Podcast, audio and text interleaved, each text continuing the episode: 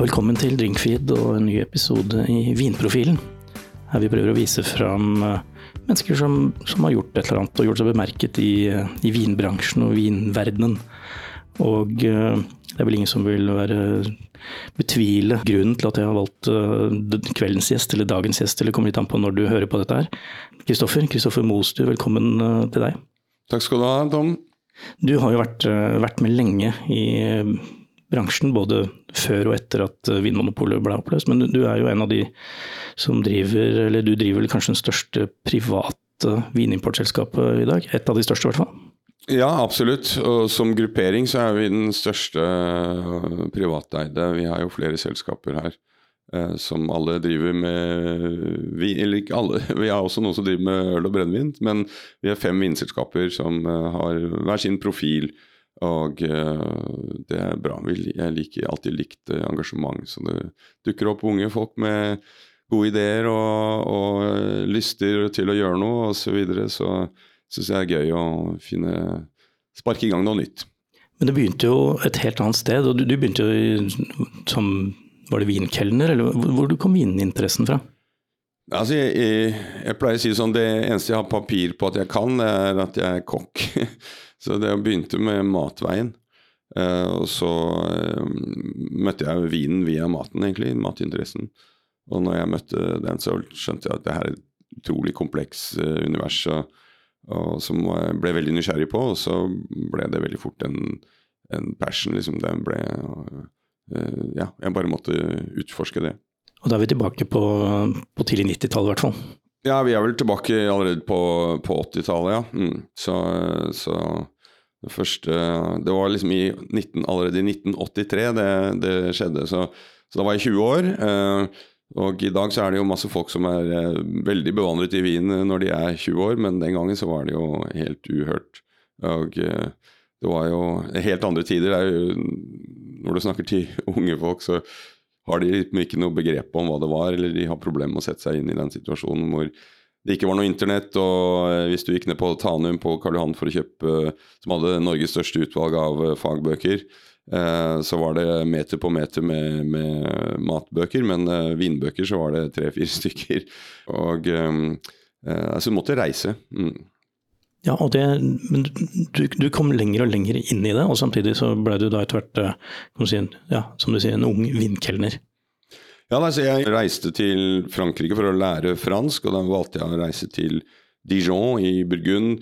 Fordi, ikke bare fordi jeg var interessert i Burgund, men, men, det er også ganske sentralt i forhold til mange andre områder. Og hadde du lyst til å ha en weekendfri, så er det liksom eh, ikke langt til Paris heller. Så, så, det, så, det, var et bevisst valg eh, med lokasjon. Og så er det, det en veldig god, er en veldig god språkskole der, for det er et stort universitet i Dijon. Uh, så, så, jeg jobba hardt for å lære fransk. Og, uh, så jeg begynte, om, uh, begynte da vintersemesteret. Og så skulle jeg egentlig bare ha, være, være der halvt år, men jeg greide å reise hjem om sommeren og skrape nok penger sammen til å til å kunne bli et halvt år til. Da, så kunne det gjøre, gjøre vinhøst og sånn. Så den, men den franske, franskspråkige greia, den har jo gjort deg eh, god lykke senere? Ja, det er en av de beste investeringene jeg har gjort. Altså, jeg gjorde det, jeg gikk da eh, kokkeskole eh, i 1983, og så dro jeg til Frankrike i begynnelsen av 84. Da skal man jo utgangspunktet da eh, gå rett i læretid. Men jeg sa det her er så viktig for meg at det, eh, den læretiden får vente. Får ta når jeg kommer hjem. Uh, og da var det jo først snakk om seks måneder, og så, så, må du liksom ringe og si du, jeg kommer egentlig ikke, jeg, det blir et år til, liksom. Uh, så da kunne du jo risikere at de sier beklager, men da, da får du finne et annet sted. Uh, men det gjorde ikke de. Sa det at det er greit, du kan komme i 1985 hvis det var 1984.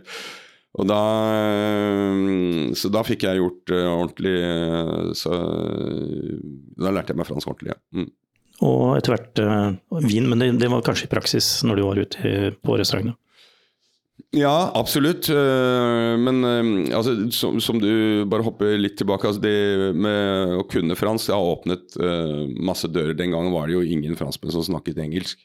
Og de hadde ikke så mange besøkende heller, så så det Og det er jo fortsatt veldig viktig at hvis du liksom skal eh, du, du, skal diskutere noe, eller det dukker opp en litt eh, delikat situasjon, eller eh, i Burgund så er det jo snakk om å øke allokasjonene sine hele tiden hvis man eh, skal ha litt mer vin. og Hvis du turnerer på fransk, så føler jeg i hvert fall at det er litt det er, Du blir begunstiget med muligens en kasse eller to ekstra. Liksom. Er, uh... De blir fort litt hyggeligere. Ja, ja, ja. Du jobbet på Bagatell? Ja, så jeg gjorde da min læretid ferdig på Tre Kokker, som var en av de beste restaurantene den gangen. Uh, og så åpnet jo Eivind uh, Bagatell i 1982, tror jeg. Og så eh, Han eh, åpnet jo veldig enkelt med jeg tror det var 20 viner eller sånn på vinkartet. Men hans ambisjoner var jo å lage noe annet på sikt. Og eh, så innen 1987, når jeg begynte der, så hadde han jo bygd ut vinkartet en god del. Og han hadde kjøpt inn en del Burgund spesielt, som det var jo ingen kunnskap om i Norge. verken blant gjestene eller de som jobbet der. så så han trengte virkelig mm, en, eh, en, ansvarlig som kunne hjelpe til å guide gjestene, men også styre i salg og innkjøp og sånn. Så, så, så, da ble valget på meg. Så du fikk være med på den eh, si, oppturen som ble Bagatell, eller som Bagatell er kjent for, eller var kjent for? Ja da. Eh, jo, jeg har vært med på oppturer og nedturer, egentlig. Der, du hadde jo eh, finanskrise som kom inn der i Eh, ja, det var vel allerede høsten 87. Jeg begynte i mai. Eh, så, så vi, jeg fikk noen få måneder med jappetidrester, og så, og så eh, ble det ganske kjølige tider etter hvert. Så, så det var plutselig veldig um, altså, Du kan ikke drive en restaurant type bagatell uten å ha gjester som kommer med på, i jobbsammenheng. Uh, så plutselig så ble det helt feil å presentere bagatellregning i, i, regnskapet for å ha gått ut med gjester. Så, så, så det, det, var en periode hvor det var litt eh, tøft, ja. Men, eh, men eh, så ble det bedre. Hvor lenge, hvor lenge holdt du ut der? Tre, drøye tre år. Mm. Forsto du etter hvert at jeg har lyst til å gå, re, gå ren vin, altså forlate restaurantbransjen? Ja, ja, jeg hadde jo lyst til å reise, så, så, jeg hadde lagt av litt penger i løpet av de tre årene jeg var der. Uh, for, å, for, å, reise, så jeg gjorde en sånn ryggsekktur jorden rundt. Så det var en kombinasjon at jeg ville se vinmarker andre steder, og, og, og gjøre en ryggsekktur, liksom. Så du tok en sånn dannelsesreise Ja, ja, jeg kan du godt si. Så, så, jeg reiste da først til California, og så videre over Stillehavet, New Zealand, uh, Australia. Uh, og så hadde jeg litt sånn spennende stopp underveis uh, på helt andre ting. Men, men det, var, det, var, veldig gøy. Det var altså, kjempelærerikt. Og så kom muligheten hvor, som vi, vi kan hoppe fram til da, når, når Vinmonopolet da Vinmonopolet fant ut at nå skal vi bare bli en butikkjede, nå skal folk få lov å importere selv. Ja, Det var jo ikke Vinmonopolet som fant ut det, det var jo EØS-avtalen som fant ut det. Uh, så um, Norge hadde jo stemt uh, gang nummer to nei til EU-medlemskap i 92. og da var det jo snakk om å lage en økonomisk avtale med EU, som da ble EØS, og den gikk gjennom Stortinget i 94. Og eh, da, den dagen jeg gjorde det, så, så tok vi et glass champagne. Fordi uh, da trodde veldig mange at Vinmonopolet kom til å bli nødt til å endret, selv om det ble sagt i stortingssalen for å få den gjennom at det kommer ikke til å bli noe endring på Vinmonopolordningen.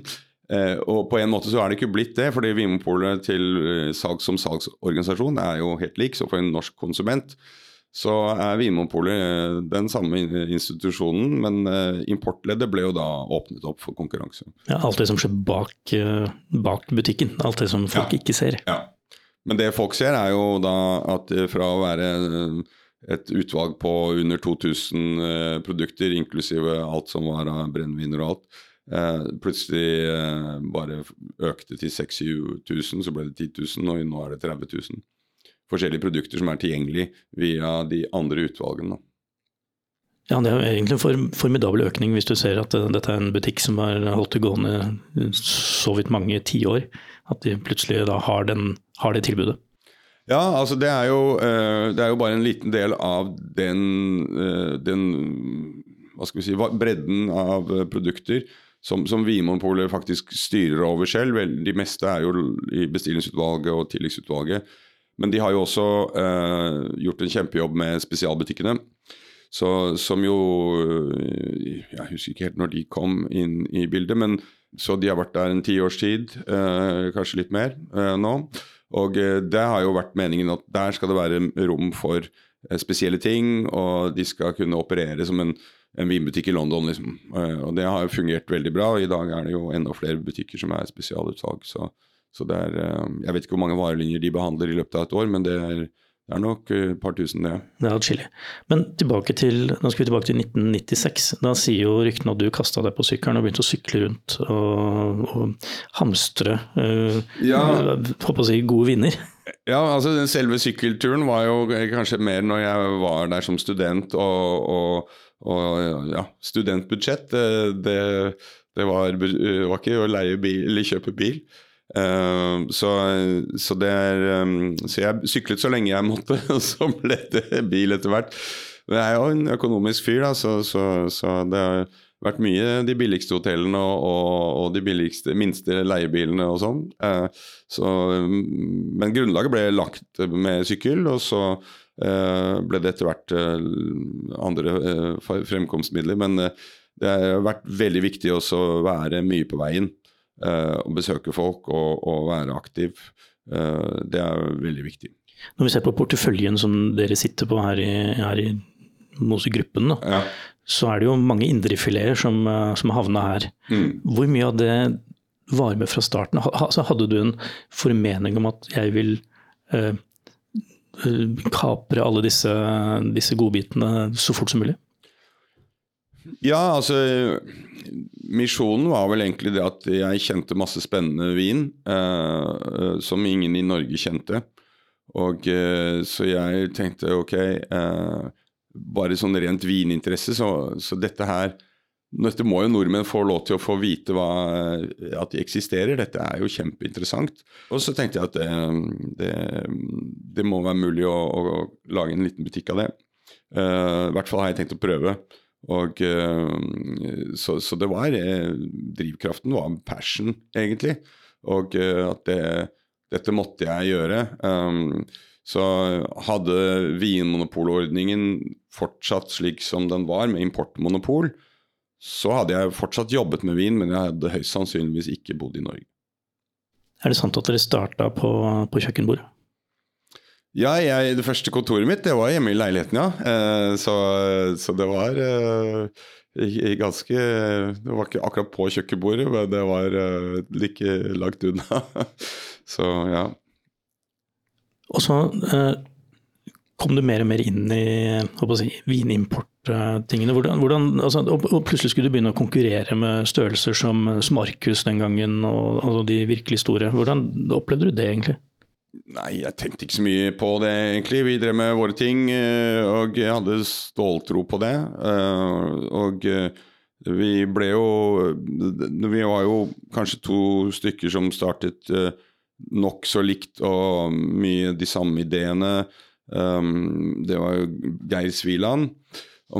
Så vi gjorde mange Mye av det samme, eller i hvert fall på samme tid. og og vi fikk jo utrolig presseomtale, da, fordi plutselig så kom det produkter inn i markedet som faktisk var veldig interessante og hadde en historie bak seg. Og uh, til å begynne med så, så kanskje lå litt over i, i, pris, men målet vårt var jo å finne viner som var kvalitative, og, og som var i de i, altså, for min egen del, alle, ingen prisleier er stengt, på en måte. Hvis du finner en vin som er eh, interessant og har en historie å fortelle, så, så er jeg interessert. Eh, og, eh, men målet var jo selvfølgelig å finne noe som du kunne selge litt volum av. Eh, så, så, til å begynne med så vil jeg nok tro at de som allerede var etablert som importører, tenkte ja ja, måste, han driver bare med dyr vin, liksom, så han er ikke så farlig med. Men, men plutselig så dukker vi opp med med rimeligere ting, og fikk store salgssuksesser. Ja. Mm. ja, fordi det er jo en balansegang mellom det å kunne selge mye og det å ha på en måte råd til å forfølge de godbitene. Ja, det eh, altså I hvert fall den gangen så var det ikke mye Hovedinntjeningen lå ikke på de dyreste produktene. Det var jo eh, Etterspørselen etter sånne typer produkter var jo helt annerledes enn i dag. Vininteressen var helt annerledes. Og kjøpekraften ikke minst hvis du ser på hva som har skjedd med kjøpekraft, norsk kjøpekraft de siste 22 eh, årene, liksom. Så, eh, så det, er, det, er jo, det, er, jo, ikke sammen Det er jo historisk eh, aldri skjedd før. Så. Nei, vi har hatt det svært godt uh, de siste ti årene. ja, ikke sant. Så når du ser hva som selges av, av uh, vin i dag, og hvilke prisleier, og nå er jo verden gått samme vei, da, så etterspørselen etter mye av vin det er lite tilgjengelighet på. Er jo eh, Prisene er jo gått eh, mangedoblet eh, mer enn prisindeksen, konsumprisindeksen. Følger du hele tiden med på nye Wien-områder? Altså, er, du, er, du sånn nysgjerrig, eller, eller, er du veldig sånn satt til det du kan fra før? Nei, jeg er alltid nysgjerrig. Jeg har på en måte, og Det har alltid vært ideen til hva Moster Grape Selection skal drive med, er jo å holde oss til Europa. Uh, så det har vært uh, utgangspunktet mitt og uh, er vår forse. Så, men jeg er kuriøs på alt som er vin, men etter hvert som vi har mange leverandører og mye å, å drive med, så, så, er det jo et kapasitetsspørsmål hvor mye du um, har tid til å, å, utforske nye steder. Da. Men jeg er veldig. Synes Spania er veldig spennende, så vi har brukt mye tid på Spania de siste fem-seks årene og funnet fram til veldig mye bra. Og, og, så det er et område som eh, fortsatt er mye utvikling i, og, og spennende. Mm. Alle disse årene du har holdt på som, som importør og levd, det, har du fått noen sjokk noen gang? Er det noe som virkelig har overrasket deg og sagt at oi, herregud, det, det her er enten superbra eller superdårlig? Ja, jeg liker jo å trekke fram det som er bra, i stedet for det som er superdårlig.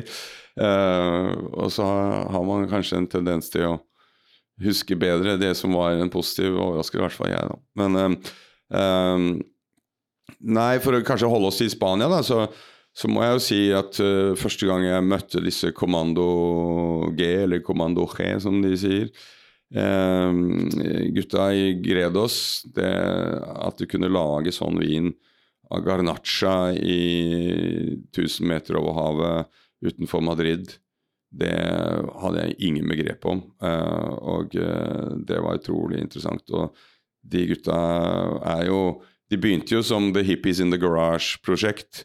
Uh, og de kom de, de, Jeg møtte de faktisk i Norge. De var i Norge. Og Nei, det var veldig interessant. Så det var ikke spesielt i tvil om, om at vi skulle begynne med det. Så, så det var jævlig gøy.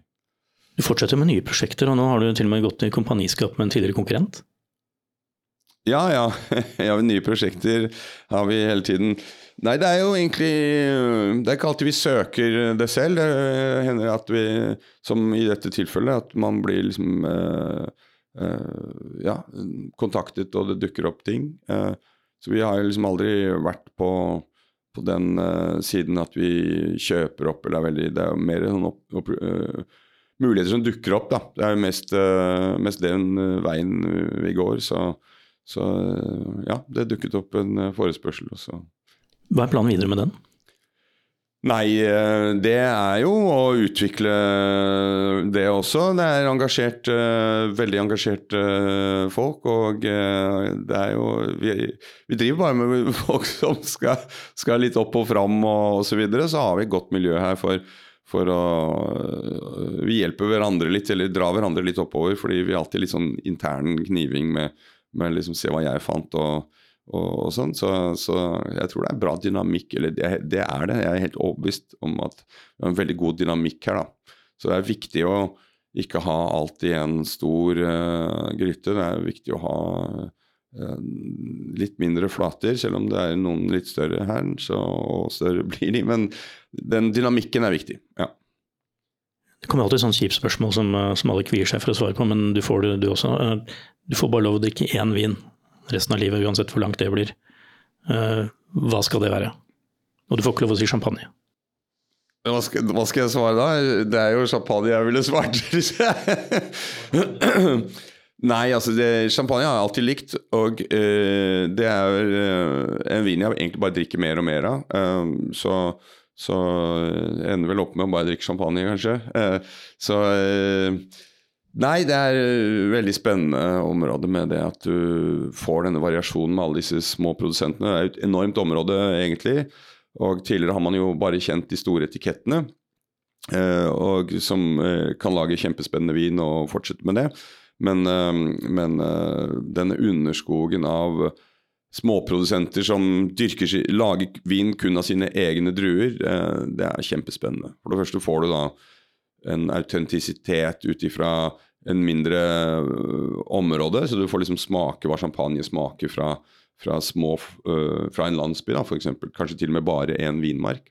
Og så kan du sette sammen det lappeteppet med forskjellige karakterer. Det er, det er, kjempespennende. Og den, den, den, revolusjonen, eller den bølgen der, den er jo egentlig bare begynt. Så, så, så der kommer det til å skje enormt masse ting. Champagne der, altså? Champagne, det er eh, Ja. Det er, eh, jeg blir ikke lei meg hvis det er siste, eh, de siste dråpene jeg får. For dere som hører på dette nå, så sitter Kristoffer med en sånn ordentlig bredt glis når du snakker om champagne, og det er veldig moro. Ja, så, ja. Hvis, uh, hvis, du skal få lov å skryte av et kupp som du gjorde, du fant den, den er jeg spesielt stolt av den vinen? Du kan få lov å skryte av vinen din. Ja, altså det er eh, Jeg er jo stolt av mange ting, for det er jo litt av um, den Ja, pga. kunnskapen og bakgrunnen og Altså, dette vi driver her, er jo en fagbedrift. Det er veldig viktig å ha folk som har uh, kunnskap og er interessert. Så Uh, Foreløpig holder jeg meg sånn noenlunde på høyde, men uh, jeg ser ikke bort fra at jeg snart blir forbigått av noen yngre krefter i kunnskap. Og det, og det, er egentlig bare fint. Supert. Det er sånn jeg skal ha det, så det er kjempebra. så må, nå var jeg ute på sida her. Nå sklei det ut, men uh, et kupp som har gjort et, ja, en, en, bra, så, så en bra vi driver med utvikling, eller jeg liker å finne Jeg tror jeg er god på å finne nye ting før det Og det er klart noen ikke går helt den veien som du hadde håpet. andre overleverer etterpå. Så ja Altså det er for eksempel eh, Hermitage Chav, da, det er jo en vin som ikke var helt ukjent, kanskje, men, men uh, det var jo uh, Jeg var veldig tidlig ute. De eksporterte ikke veldig mye. Uh, og, og blitt god venn av familien, og det er jo um, Tidligere så var det jo sånn at jeg fikk ganske mye vin, og det var ikke nødvendigvis noe lett å selge hver eneste årgang. Uh, og etter hvert som det begynte å bli litt dyrere, så var det jo mange som hoppet av. Uh, liksom De fikk sine årlige allokasjoner. Og Den gangen var det umulig å kjøpe en kasse hvis du ville. Men nå er det jo snakk om flasker, og han er jo blitt superstar. Så, så, men det er mange jeg, mange jeg er stolt av. Så, så, det er ja. Jean-Philippe Fichet fra Meursault, som startet også med nesten ikke noe vinmark. Uh, og alt han har, eller mesteparten av det han har fortsatt, for så vidt, er leide vindmarker. Uh, men han trolig flink fyr. Og så har han jo hatt uh, litt problemer med, med, det som mange hadde problemer med, litt oksidasjon, periode og sånn. Så, så han, uh, han, lager fantastisk vin, og, men nå er han jo Han er fortsatt litt sånn under radaren, men for folk som er glad i Burgund, så, så nå er vinene i salg et lite øyeblikk, og så og så, eh, og så er det borte vekk. Hvor viktig er disse relasjonene til familien og til husene for deg? Ja, det er kjempeviktig. Ja, det er veldig, veldig viktig. Så, så jeg reiser mye. Må være spesielt til Burgund, da. Så, hvor det er kanskje det området hvor det er viktigst å være på hele tiden. Så jeg er i Burgund i hvert fall tre ganger i året. Uh, og, uh, og, følger opp og, så, så det er jo det er en personlig business, og eh, det, hvis du ikke er der og ikke stiller opp og ikke viser interesse, så, så, så får du ikke like mye oppmerksomhet når det kommer til allokasjoner og hva du skal dele eh, avlingene med. Det er jo pga. at år, mange av de siste årene har vært veldig lave avlinger, så er det jo blitt mer og mer kamp om å få disse flaskene hit. Da. Det begynner å bli trangt om plassen på, ja. på listene. Ja. Mm. Altså, det er en familie oppe i Saint-Aubin som jeg kjenner godt, som eh, heter Lamy. Det finnes jo for så vidt flere Lamyer, det er alltid sånn i Burgund. Men eh, Hubert Lamy, eh, pappa, han eh, hardt arbeidende fyr. Utrolig sånn, eh, skikkelig bonde. Eh, snill og, og, og forsiktig. og jeg tror han har de største hendene jeg vet om på noe menneske. Uh, skikkelig arbeidshender. Så jeg tror ikke han hadde, problem, hadde hatt problemer med å jobbe ute i minus 20 uten hansker. Uh, så uh, han begynte å lage skikkelig gode viner. Og det var noe vi tok inn på Bagatell veldig tidlig. Så vi hadde Jeg tror 85 kanskje var første årgang vi hadde av Lamy sine viner. Og så tok etter hvert sønnen over. Olivier og han har jo uh, dratt dette utrolig langt. Han er kanskje den mest spennende vitikulturisten, altså den som drar uh, dyrkingen, vitikulturen, lengst, og har jobbet uh, målbevisst og utforsket og mange ting. Så det er egen podkast i seg selv, egentlig. Um, og så har vinkvaliteten økt og økt og økt, og økt til at han nå har funnet sin uh, oppskrift. Uh, og han har jo da først og fremst vinmarker i Saint-Aubin, uh, og ingen Merceau Premier Cruer osv. Så, videre. så for meg, så har han, for meg så har han allerede laget kanskje de beste hvitvinene ut fra sine forutsetninger som vi har, uansett fancy navn, av, i vår portefølje. Uh, og, eh, men nå uh, Så jeg har jo bare ventet på det tidspunktet hvor det skulle bli kjent. Men nå, med William Kelly på, som skribent for Wine Advocate, som har da laget noen uh, flotte artikler, og andre også, selvfølgelig, så er han blitt superstar.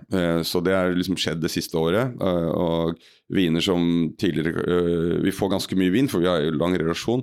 Um, så han sier, jeg vet ikke om det er 100% sant, men han sier hvert år at eh, Norge er det største eksportmarkedet hans. Uh, så uh, uh, da har vi jo vanligvis hatt vinen i salg flere måneder, men nå forsvinner alt på en dag. Det er jo ganske ja. tydelig på, ja. på, hvor kjent man blir. Da. Ja. Hvor går vinverdenen videre? Nå ser vi jo f.eks. Eh, de jobber med, med, genmanipulasjon for å få frem druer som er mer resistente mot uh, sopp og bakterier som en følge av klimakrisen. Vil vi se f.eks. at de gamle, gode druene blir fortrengt av si, kunstig fremstilte eh, gener? Jeg tror ikke det, i hvert fall ikke i kvalitetsregionene. Jeg kan ikke se for meg det uten at jeg, altså Bønder er konservative folk. Og yngre hoder har jo en litt annen utdannelse og, og forståelse av ting. Men eh, de vil fortsatt bruke de naturlige verktøyene så langt de kan. Det er mye du kan gjøre. Du kan eh, skifte rotstokker, eh, som gjør at du kanskje modner dårligere eller saktere. Uh, masse du kan gjøre med, med uh, oppbindingen av vinstokken. Hvor mye blad, hvor høy, hvor lav, eh, skygge, ikke skygge til, til druene. Um, og, så det, så det finnes masse du kan gjøre. Og så er det også Man har jo kloner osv. innenfor alle druetyper. Og, så du kan jo velge ut kloner som er mer tilpasset en, en klimaform enn en annen. Så, så fra, fra det at eh, man valgte druer eh, som modnet tidlig, eller kloner som modnet tidlig, så kan man velge kloner som modner senere osv. Så, videre. så det er masse du kan gjøre, men um, så for meg så er, sånn som jeg ser det i dag, så er den største utfordringen uh, med endret klima er tilgang til vann. Det er et kjempeproblem mange steder allerede, og ingenting tyder på at det kommer til å bli en mindre problem fremover. Eh, så eh, de, selv om vi har hatt mange varme årganger allerede, så, så eh, har kanskje et par årganger hvor du, hvor de må finne ut hva, skal, hva de kan gjøre, så har de i stort sett greid å lage veldig god vin i, i varme år. Så jeg føler at i hvert fall sånn som det er i dag, så greier de å takle både druene og produsentene greier å takle disse varme årgangene. Vinene endrer seg litt, men de greier å lage skikkelig god vin. Eh, balansert vin. Eh, men eh, hvis du mister vanntilgangen, så, så, blir det vanskelig. Så vann er, vann er, er kjempeviktig. Så det er mulig at f.eks. vindmarker øverst på åssiden som har veldig lite toppjord, lite leire, mye stein og, og drenerer veldig godt, at det kanskje blir uh, vanskelige uh, vind... Det er jo da ofte kjøligere beliggende vindmarker, slik at hvis du har nok vann, så har det kanskje vært en fordel uh, å være der i, i, forhold til at klimaet blir varmere. Men hvis de ikke får noe vann, da er det obba ulempe. Mm. Da tenker jeg at vi sier tusen takk til deg, Kristoffer, at du ville stille og være på Drinkfeed. Og så dere som hører på, dere får bare sjekke ut hva Mos du har å tilby. Takk skal du ha, Tom. Hei.